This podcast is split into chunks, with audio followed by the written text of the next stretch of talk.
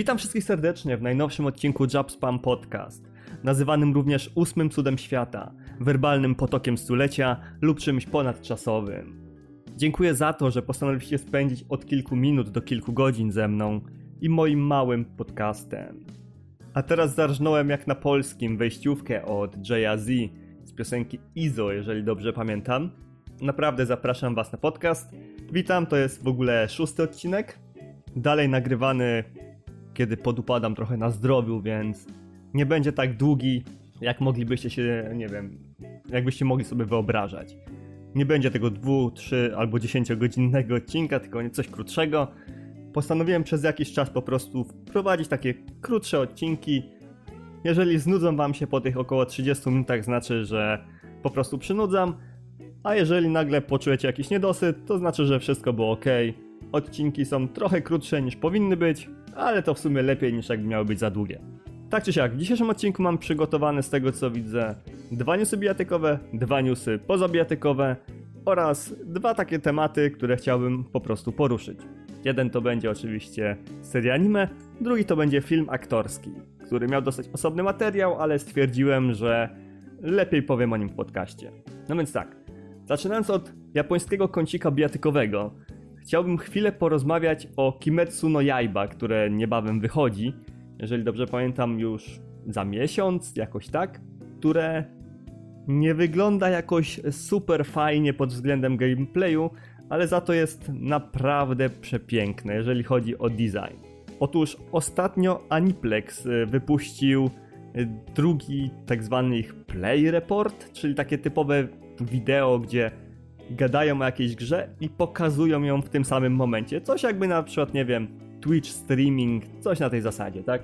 Wielki ekran gry, mały ekran kogoś, kto gra, jakieś tam loga, reklamy itd., tak itd. Tak no więc w drugim tym swoim Play Report skupili się na Demon Slayer Kimetsu no Yaiba The Hinokami Chronicles, gdzie pokazywali chociażby jak się gra główną postacią i jak w ogóle wygląda przemierzanie świata w tej grze i tak dalej, i tak dalej. Gameplay, takie inne duperele. No i oczywiście graficznie.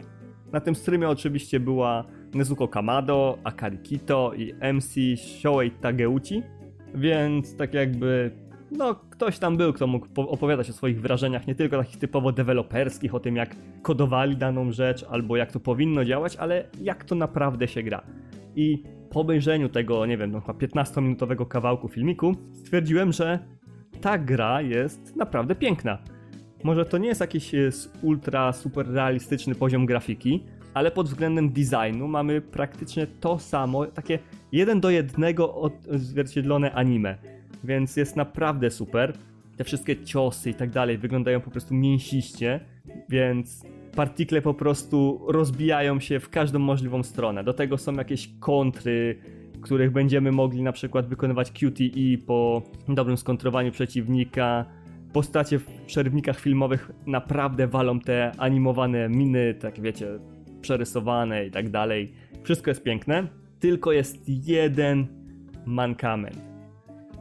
Gameplay w tej grze, w sensie już nie chodzi o sam wygląd gameplayu, ale o to jak, jaki on jest, jest po prostu tragiczny. Co z tego, że mamy po prostu przepięknie animowane, przepięknie mięsiste ataki, kiedy wszystko po prostu wygląda jakbyśmy ładowali kijem, w... znaczy nie wygląda, czuję jakbyśmy ładowali kijem w worek ziemniaków. Niby są te wszystkie hit stopy, te wszystkie przeloty i tak dalej, ale nie wygląda to jakoś satysfakcjonująco. W sensie nie ma tego uczucia satysfakcji. Obstawiam, że to może być po prostu wina tego, że oglądam to na streamie i tak naprawdę maszowanie tych guzików będzie naprawdę przyjemne już w pełnej wersji gry, ale na chwilę obecną jest tak e, bardzo średnio. Trochę mi to przypomina te Ultimate Ninja Stormy, i to nie te lepsze, tylko te gorsze tak naprawdę. Mam tutaj pełne obawy, czy warto w ogóle wydawać te.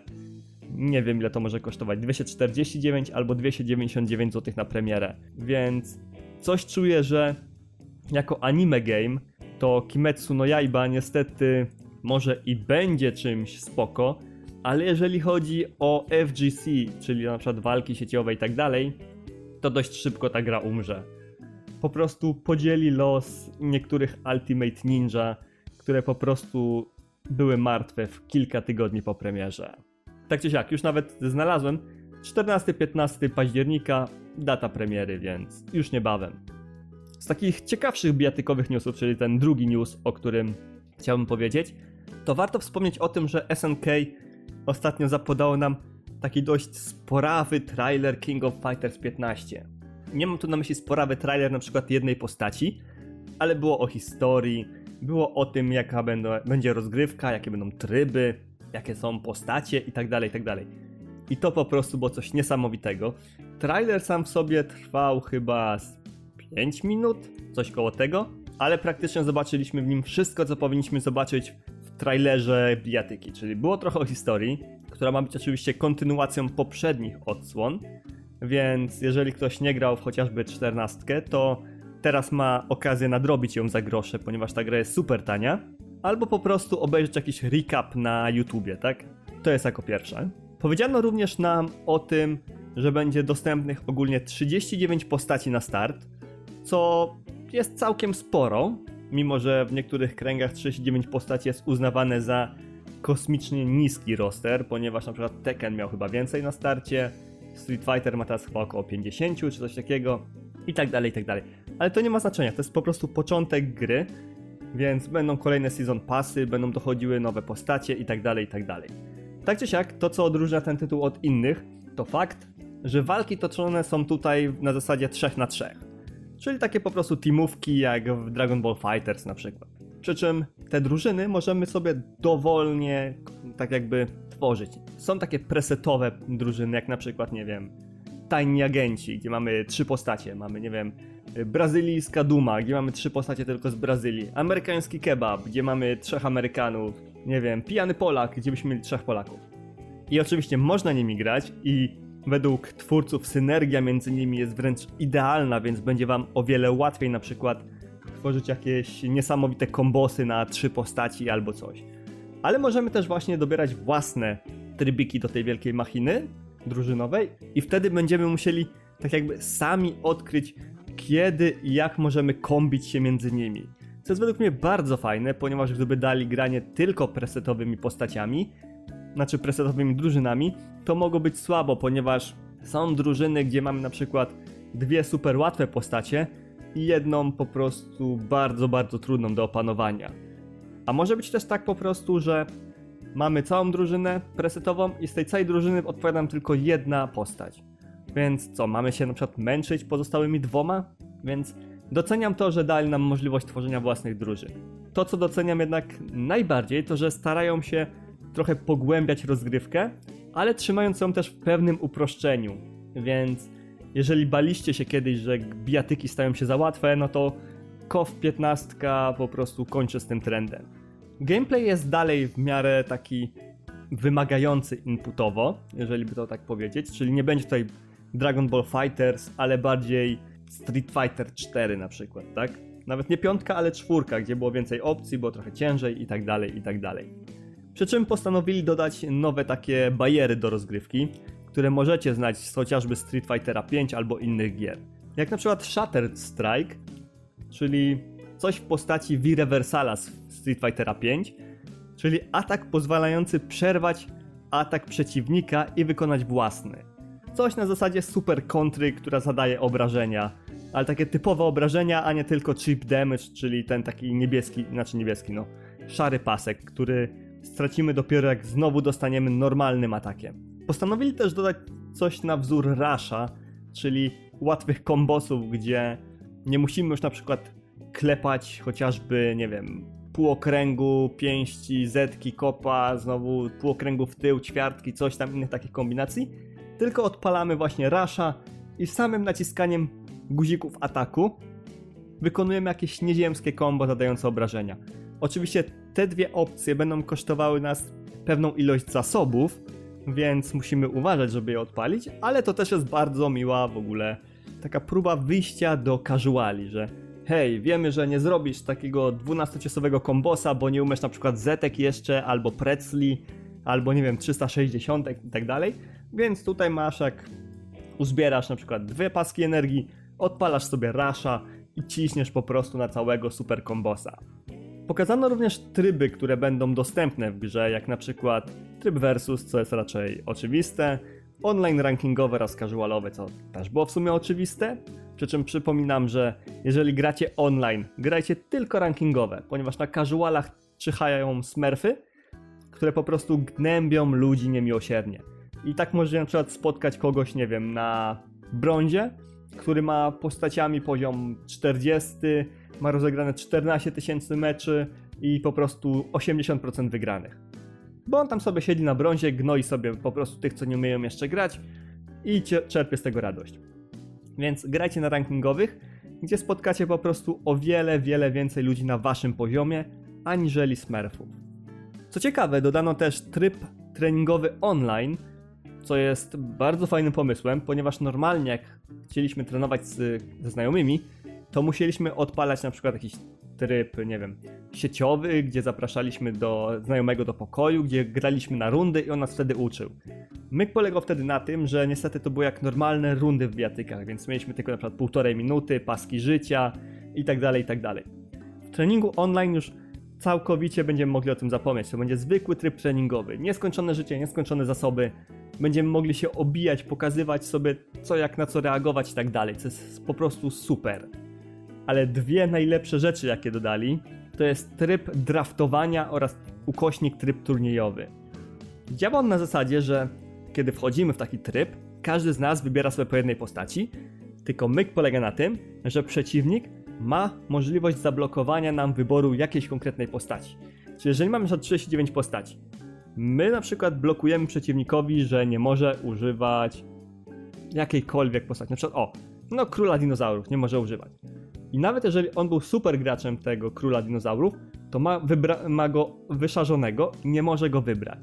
I on robi to nam dokładnie to samo. Blokuje nam jakąś postać. My jemu, on nam, my jemu, on nam. I potem z puli pozostałych postaci musimy po prostu powybierać sobie, kim będziemy grali. W Japonii na przykład, kiedy są turnieje, często jest używany tryb draftowania, czyli blokowania po prostu konkretnej postaci konkretnemu przeciwnikowi, ponieważ wiadomo, że on jest po prostu super w opanowaniu danej, danego bohatera, bohaterki i jeżeli mu zablokujemy wybór tej osoby, to będą jego umiejętności tak jakby trochę upośledzone, więc będziemy mieli trochę większą szansę. To jest jednak nic najważniejsze, co do tej pory powiedzieli. Oczywiście nie wspomnieli jeszcze o crossplayu, co jest trochę takim samobujem, ponieważ crossplay teraz to jest po prostu coś, co powinno być już dostępne od samego początku. W końcu ta gra wychodzi na Playa 5, na Xboxa, na Playa 4 i na PC, z czego na PC będzie na Steamie i na Epiku. Więc znając życie, Steam i Epic będą miały osobne serwery, PlayStation 4 i PlayStation 5 będzie mogło grać razem, a Xboxy między sobą, więc tak czy siak na chwilę obecną to co zapowiedzieli najlepszego to jest to, że gra będzie zawierała rollback netcode. Czyli jak wiecie z tych odcinków, jak wiecie z recenzji bijatyk i innych takich moich wypowiedzi, jest to najlepszy możliwy kod sieciowy jaki jest dostępny. Pozwala on na granie Polakowi z Japończykiem bez żadnych lagów, bez żadnych skoków, bez zrywania połączenia, bez żadnych takich dupererii to jest po prostu coś niesamowitego. Guilty Gear Strive dostało coś takiego i ta gra jest po prostu teraz wiecznie żywa. Nieważne o której godzinie wejdziecie, na który serwer wejdziecie, jest setki, o ile nie tysiące ludzi grających w ten tytuł. Właśnie dzięki Rollback Netcode. Jest to kod sieciowy, który przedłuża życie bijatyk o wiele, wiele lat. Ponieważ nie czarujmy się, ale jeżeli na przykład w danym regionie ludzie przestaną w to grać, to dzięki rollbackowi łączę się z innym regionem i gram z innymi. Albo po prostu od razu wszyscy idą na jeden region. A przy delay-based netcode, praktycznie jeżeli w jakimś regionie ktoś przestaje grać z powodu tego netcode'u, to gra już jest martwa. Już nic z tym nie zrobicie, bo nawet jak się połączycie z innym regionem, to i tak będą takie lagi, takie skoki, że nie będziecie w stanie w ogóle w to grać. No dobra, ale już jest tak naprawdę 19 minut na liczniku, to miał być krótszy odcinek, więc trochę się za bardzo rozgadałem o tych dwóch. Ale tak czy siak przechodzimy do kolejnych newsów, tym razem newsów niebijatykowych. Będzie bardzo krótko, ponieważ to są malutkie newsy, ale warto o nich wspomnieć. Nintendo wzięło ogólnie z zaskoczenia wszystkich i wprowadziło tryb obsługi urządzeń Bluetooth do Nintendo Switch, więc jeżeli do tej pory na przykład narzekaliście, że musicie na kablu mieć podłączonego switcha pod słuchawki albo coś w tym stylu, to teraz bez problemu możecie łączyć je ze, ze wszystkimi słuchawkami bezprzewodowymi, jakie macie, czy to od telefonów, od kompa, czy od innych konsol. Całość działa podobno bardzo świetnie. Znaczy bardzo świetnie. Całość podobno działa świetnie. Ukośnik bardzo super. Sam tego jeszcze nie testowałem, ponieważ chwilowo od miesiąca Switch jest tak jakby schowany w pokrowcu z powodu Street Fightera 5, ale jak tylko skończę wszystkie takie przeprowadzki i tak dalej, na pewno wrócę do grania. Z drugiej strony też będzie trochę o Switchu, ponieważ Monster Hunter Rise, które okazało się o wiele lepszym Monster Hunterem niż Monster Hunter World, dostaje kolejny crossover. O ile na początku był to crossover ze Street Fighterem, czyli po wykonaniu pewnych zadań mogliśmy po prostu dostać strój Akumy dla naszej postaci, nawalać Hadokeny, DP i tak dalej, tak teraz twórcy postanowili zrobić crossover z Megamanem.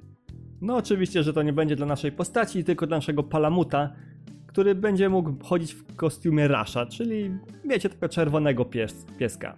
Przy czym zmienią się trochę animacje wtedy tej postaci, tego Palamuta, ale to tak jak z każdym praktycznie dodatkiem do Monster Huntera, więc widać, że Capcom po prostu dba o swoich graczy i dodaje coraz to nowsze rzeczy.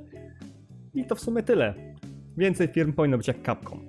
A skoro już o Capcomie mowa, to trochę przekręcę kolejność rzeczy, o których chcę mówić i zamiast o Seven Deadly Sins, o którym powiem za chwilę, chcę wam opowiedzieć trochę o Monster Hunter The Movie.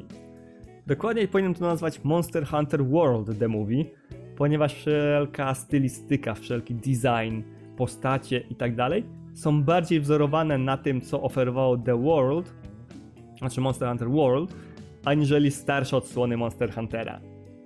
Co dla wielu może być trochę dziwne, ale jak dla mnie to jest mega spoko, ponieważ Monster Hunter World miał najlepsze postacie. Niestety miał też najbardziej wykręcone postacie, jeżeli chodzi o design, więc no niestety czasami nie udawało się ich dobrze odwzorować na dużym ekranie i tym samym ten wielki chieftain, ten po prostu główny łowca, wyglądał trochę jak podstarzały Cloud z finala siódemki, przy czym był on grany przez Perlmana, czyli naszego ulubionego Hellboya, który sam w sobie zagrał bardzo dobrze tą postać, ale pod względem designu to już tak nie do końca to wszystko zagrało. Nie były takie wszystkie trybiki w danym miejscu. Tak czy siak, oglądałem ten film i na początku byłem trochę taki zszokowany tym, jak podeszli do tego wszystkiego. No bo będzie trochę spoilerowo. Ogólnie film polega na tym, że armia amerykańska jedzie, tam chyba było w Afganistanie, jeżeli dobrze pamiętam. Film już widziałem jakiś czas temu, po prostu nie miałem czasu, żeby nagrać odcinek o tym. Armia amerykańska jedzie na zwiat zobaczyć, co się stało z pewną drużyną, którą wysłali wcześniej. Oczywiście ślad po nich zaginął, tam są jakieś wypalone miejsca, rozwalone, nie wiem, samochody, coś takiego. I nagle, jak w każdym isekaju, przenosi ich po prostu do innego świata.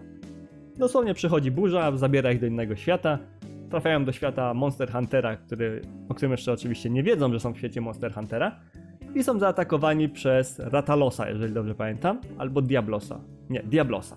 Diablosa, który po prostu kosi ich niemiłosiernie. Oczywiście Mila Jowowicz, czyli główna bohaterka tego filmu, jakimś cudem przeżywa, zostaje uratowana przez innego łowcę i w wielkim skrócie mówiąc, musi nauczyć się żyć w tym świecie i jak z niego uciec. I głównym zarzutem odnośnie tego filmu było to, już nawet nie chodzi o sam design, tak? Że historia opiera się na Mili Jowowicz, która chce uciec z tego świata. Czyli, że nie ma czegoś takiego jak poznawanie kultury łowców, nie ma poznawania świata łowców, co jest oczywiście nieprawdą, bo było tam bardzo dużo świata łowców. Nie ma milionów potworów, nie ma jakichś wypasionych akcji, Elder Dragonów, rozwalania świata itd., tak itd. Tak I według mnie ludzie, którzy oczekiwali czegoś takiego, najwidoczniej po prostu nie grali w Monster Huntery albo po prostu ich nie zrozumieli. Ponieważ Monster Huntery to nie są gry, gdzie ratujemy non-stop świat, gdzie rozwalamy jakieś miasta przy walce z wielkimi pradawnymi smokami itd. Tak Monster Huntery to są gry o przygotowywaniu się na nieoczekiwane, na po prostu wyzwania, na które nie jesteśmy gotowi. I to właśnie było w tym filmie przygotowywanie się na wyzwanie, na które główna bohaterka nie była gotowa. Przez cały film była oczywiście szkolona przez innego łowcę, granego przez Tomiego Ja, który jest super, tak w ogóle. I 3 czwarte filmu, no bo już załóżmy, że. No dobra, inaczej. Jedna szósta filmu to niech będzie wstęp, jedna szósta to będzie zakończenie, więc mamy już dwie szóste. I pozostałe trzy szóste filmu to jest jedna lokacja i próba poradzenia sobie z jednym zagrożeniem. I tym zagrożeniem jest właśnie Diablos. I według mnie ten moment idealnie pokazywał, czym jest Monster Hunter. Czyli grami, mangami, anime, tak dalej, tak dalej, o przygotowywaniu się do walki z tym, na co nie jesteśmy gotowi. Nasza postać była szkolona, tworzono dla niej ekwipunek, zabierano ją na, nie wiem, jakieś wyprawy po surowce, kombinowano jak pokonać przeciwnika przez zakładanie, nie wiem, pułapek, obmyślanie jak można użyć terenu. I to było według mnie niesamowite, ponieważ w pełni oddawało to, jak łowcy zachowują się w normalnym świecie. Oczywiście potem jak już zakończono ten segment, postanowiono pójść dalej, dać trochę więcej akcji jakiejś takiej typowo filmowej, gdzie bohaterowie, do których dołączyli się inni łowcy, walczą nagle z Ratalosem, który jest w jakiejś tam świątyni, która pozwala na przechodzenie między światem łowców do świata ludzi. Jak możecie się domyślać, ostatecznie walka polega na tym, żeby nie przepuścić Ratalosa do świata ludzi, ponieważ taki Ratalos po prostu by ich tam wszystkich rozwalił w perzynę, tak? Bo niestety rakiety nie działają na Ratalosa, ale wielki topór, który płonie już działa. Pod względem designu, znaczy ogólnie poziomu y, efektów specjalnych, nie silili się na jakieś super partikle, wybuchy i tak dalej. Było wszystko tak w miarę uziemione, coś jak Kolosus, tak? Film, który był o wielkich potworach, ale tak naprawdę nie było o wielkich potworach, bo one tam były, ale jakoś nie było ich za dużo. Tak czy jak w Monster Hunterze jest dużo tych potworów, są przepiękne, po prostu design Diablosa, Ratalosa, tych wielkich pająków mieszkających pod ziemią i innych takich był po prostu przepiękny. To wszystko w ruchu wyglądało wspaniale. Po prostu istna laurka dla fanów Monster Huntera. Jednak wielu osobom się to nie podobało, bo stwierdzili, że co z tego, że to ładnie wygląda, jak tego prawie w ogóle w filmie nie ma. No ale właśnie o to chodzi. W Monster Hunterze też nie masz wielkiego potwora za wielkim potworem. Więc jak najbardziej według mnie oddali sens całej serii. Ostatecznie muszę powiedzieć, że ten film mi się podobał, mimo że właśnie graficznie nie domagał i tak dalej, i tak dalej. I mam cichą nadzieję, że po cliffhangerze, jaki dostaliśmy na koniec jedynki, będzie jednak jakaś dwójka za jakiś czas i tak dalej, i tak dalej, ponieważ czuję, że ta seria ma potencjał filmowy, tylko wymaga ona trochę więcej, jeżeli chodzi o segment fabularny. Ponieważ fabuła w tym filmie opierała się na tym, że armia przenoszona do świata łowców, jedna osoba przeżywa, szkoli się na łowcze, łowce, powstrzymuje ucieczkę Ratalosa do innego świata, przy czym przez portal już widać, że jeszcze większy bydlak szykuje się po prostu do przejścia. Więc jeżeli w dwójce na przykład poszliby na zasadzie, że teraz te portale się pojawiają, musimy powstrzymać tego bydlaka na początku filmu, ale potem ruszamy w przygodę, żeby po prostu zwiedzać świat i odkryć, nie wiem, jakiegoś pradawnego smoka, który powoduje, że to przez niego są te portale i jego powstrzymać, to byłoby super. Tylko taki film nie mógłby trwać na przykład półtorej godziny, tylko musiałby trwać ponad dwie godziny, żeby to wszystko ładnie pokryć. Musieliby dodać nowe postacie, ponieważ te obecne tak naprawdę była tylko, były tylko na zasadzie Tommy Jaa, Mila Jovovich, Ron Perlman i postacie poboczne, które nic nie mówią, a tylko, nie wiem, skaczą albo pokazują się jako takie, wiecie, easter eggi dla fanów. I tak naprawdę musieliby pokazać trochę więcej tego przygotowania jeszcze. Całej tej kultury łowców potworów, gdzie tak naprawdę pojawienie się jakiegoś, nie wiem, dla przykładu, wielkiego piaskowego potwora, który jak, nie wiem, te czerwie z Duny przemierza świat, nie jest tylko takim jak gdyby znacznikiem, że teraz będziemy się bili, ale na przykład, żeby jego pojawienie się zwiastowało, nie wiem, jakiś festiwal albo coś, żeby pokazali, że ludzie świętują pojawienie się niektórych potworów, że dbają o ekosystem, że nie zabijają tylko po to, żeby mieć surowce, mięso i chronić się przed niebezpieczeństwami, ale też na przykład pomagają im, że zasadzają drzewa jakieś, żeby im powiększyć trochę teren i tak dalej, i tak dalej. Tak czy siak, ja jestem z tego filmu zadowolony. Wy prawdopodobnie nie. Jestem w stanie to zrozumieć. I teraz dla równowagi ja opowiem o czymś, z czego ja nie jestem zadowolony, a wy prawdopodobnie uwielbiacie, czyli Seven Deadly Sins. Seven Deadly Sins jest to shounen, który po prostu ma kryzys początku, kryzys środka i jest wiecznym shounenem końca. Otóż od pierwszego odcinka, jaki tylko obejrzałem, miałem strasznie dziwne wrażenie, że coś przespałem. Nie było żadnego rozwoju postaci, nie było żadnych takich historii, które by mnie pchnęły do tego, żebym polubił to, co widzę na ekranie, czy to tych osobników, których lubię na ekranie, tylko po prostu pierwszy odcinek i już czułeś jak w endgame'ie. Postacie są przekokszone, walczą z demonami, jakieś tam wojny, przezywanie pradawnego zła, potem znowu wojna, jakieś... Tu się pojawiają grzechy znikąd, bez zapowiedzi. Tu się okazuje, że ta wojna była z aniołami, ale nagle anioły musiały umrzeć, że demony były, nie wiem, zapieczętowane, coś tam. I o ile oglądało się to tak na wyłączeniu umysłu, całkiem spoko, jako zwykły bitewniak i tak dalej, ewentualnie jako second screen, kiedy, nie wiem, gotujemy obiad albo coś, tak kiedy zacząłem zadawać sobie pytania odnośnie tego, co widzę, już nie było tak różowo. Naprawdę to anime ma bardzo, ale to bardzo wiele braków pod bardzo, ale to bardzo wieloma względami. Już nawet nie mówię o samej animacji i tak dalej, ponieważ to jest dość budżetowa produkcja, ale pod względem historii, rozwoju postaci, świata przedstawionego i tak dalej, i tak. Były naprawdę momenty, gdzie po prostu pojawiała się postać, dosłownie pojawiała się znikąd i nagle się okazywała najsilniejsza, że zabijała wszystkich jak leci. Potem pojawia się inna postać, która była słaba, ale nagle zabijała tą najsilniejszą. I tak w kółko, i tak w kółko. Po prostu cały czas czułem się jakbym naprawdę miał wrzucane endgame za endgame'em, gdzie nikt nie przejmuje się tym, żeby zbudować to jakoś, coś, żeby doprowadzić do tej wielkiej potyczki, tylko po prostu pojawiają się potyczka, pojawiają się potyczka, pojawiają się potyczka, chwila przerwy na fanserwis, potyczka, potyczka, potyczka. I tak doszedłem ostatecznie do wniosku, że chyba nie jestem zbyt wielkim fanem Seven Deadly Sins. Mimo, że obejrzałem wszystko, co tam było na Netflixie, nawet czasami oglądałem po polsku, jeżeli mam możliwość, w sensie z dubbingiem polskim, który wypadł, no okej, okay, mimo że wiele zdań było po prostu innych niż to, co mówili postacie, bo na przykład Meliodas, czyli główny bohater, opowiada, nie wiem, tekst, że no, walczyłem w krucjacie przeciwko aniołom, mordowaliśmy się, ile wlezie i tak dalej, i tak dalej. To na polski było przetłumaczone no, tam kiedyś walczyłem, ale ogólnie miałem spoko życie. Tak, czemu tak? Skąd ta w ogóle fantazja tłumacza albo coś w tym stylu? Bardziej próbował dopasować do ruchu ust i do czasu niż do tego, co postacie mówią, co chcą przekazać?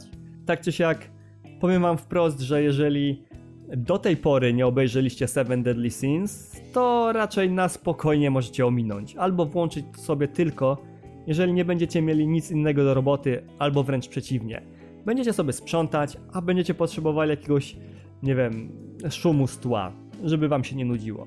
W sumie to chyba tyle, bo nawet o postaciach i tak dalej nie da się zbytnio mówić, ponieważ są one strasznie płaskie na zasadzie dobra, ty jesteś obżartuchem, to ty będziesz niewinną, nie wiem, gigantką, ty będziesz nieśmiertelnym bucem, ty będziesz zawsze optymistyczny, ty będziesz niewinna, a ty będziesz po prostu lalką, która nie ma płci, nie ma, nie wiem, uczuć i po prostu sobie bądź. Co jest bardzo słabe też w wielu produkcjach anime, że nawet nie starają się na rozbudowę postaci, ale właśnie Seven Deadly Sins mogę postawić zaraz poniżej Cabanery, jeżeli chodzi o rozwój e, bohaterów. Podobno manga jest jakoś lepsza, nie wiem, po anime jestem zniechęcony do mangi i raczej jak już będzie jakiś kolejny sezon, albo film, albo coś, to raczej wątpię, żebym to już ruszył, ponieważ jeżeli dobrze pamiętam, to ten obecny sezon zakończył chyba wszystkie możliwe wątki, jakie były do tej pory od pierwszego odcinka, więc nie ma sensu się już pchać za bardzo oglądanie kolejnych. Tak czy siak, na moim liczniku pokazuje 37 minut, więc jest bardzo blisko tego czasu, który chciałem osiągnąć i jedyne co mi zostaje to po prostu zareklamować siebie w sieci.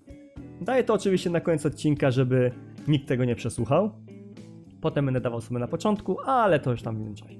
Tak czy siak, jeżeli trafiliście na ten odcinek inaczej niż z mojego konta twitterowego at gudziunpio.pl, z mojego kanału YouTube, czyli YouTube ukośnik Jabspam, to serdecznie zapraszam Was na te kanały, o których powiedziałem przed chwilą. Mam też Facebooka, znaczy stronę facebookową, kanał Jabspam, która służy bardziej jako archiwum, jakbyście chcieli wszystkie materiały na bieżąco śledzić. Najbardziej aktywny jestem oczywiście na Twitterze i na Discordzie. Linki do Discorda będą prawdopodobnie w opisie, więc jedyne co mi zostaje do powiedzenia to do następnego razu. Cześć!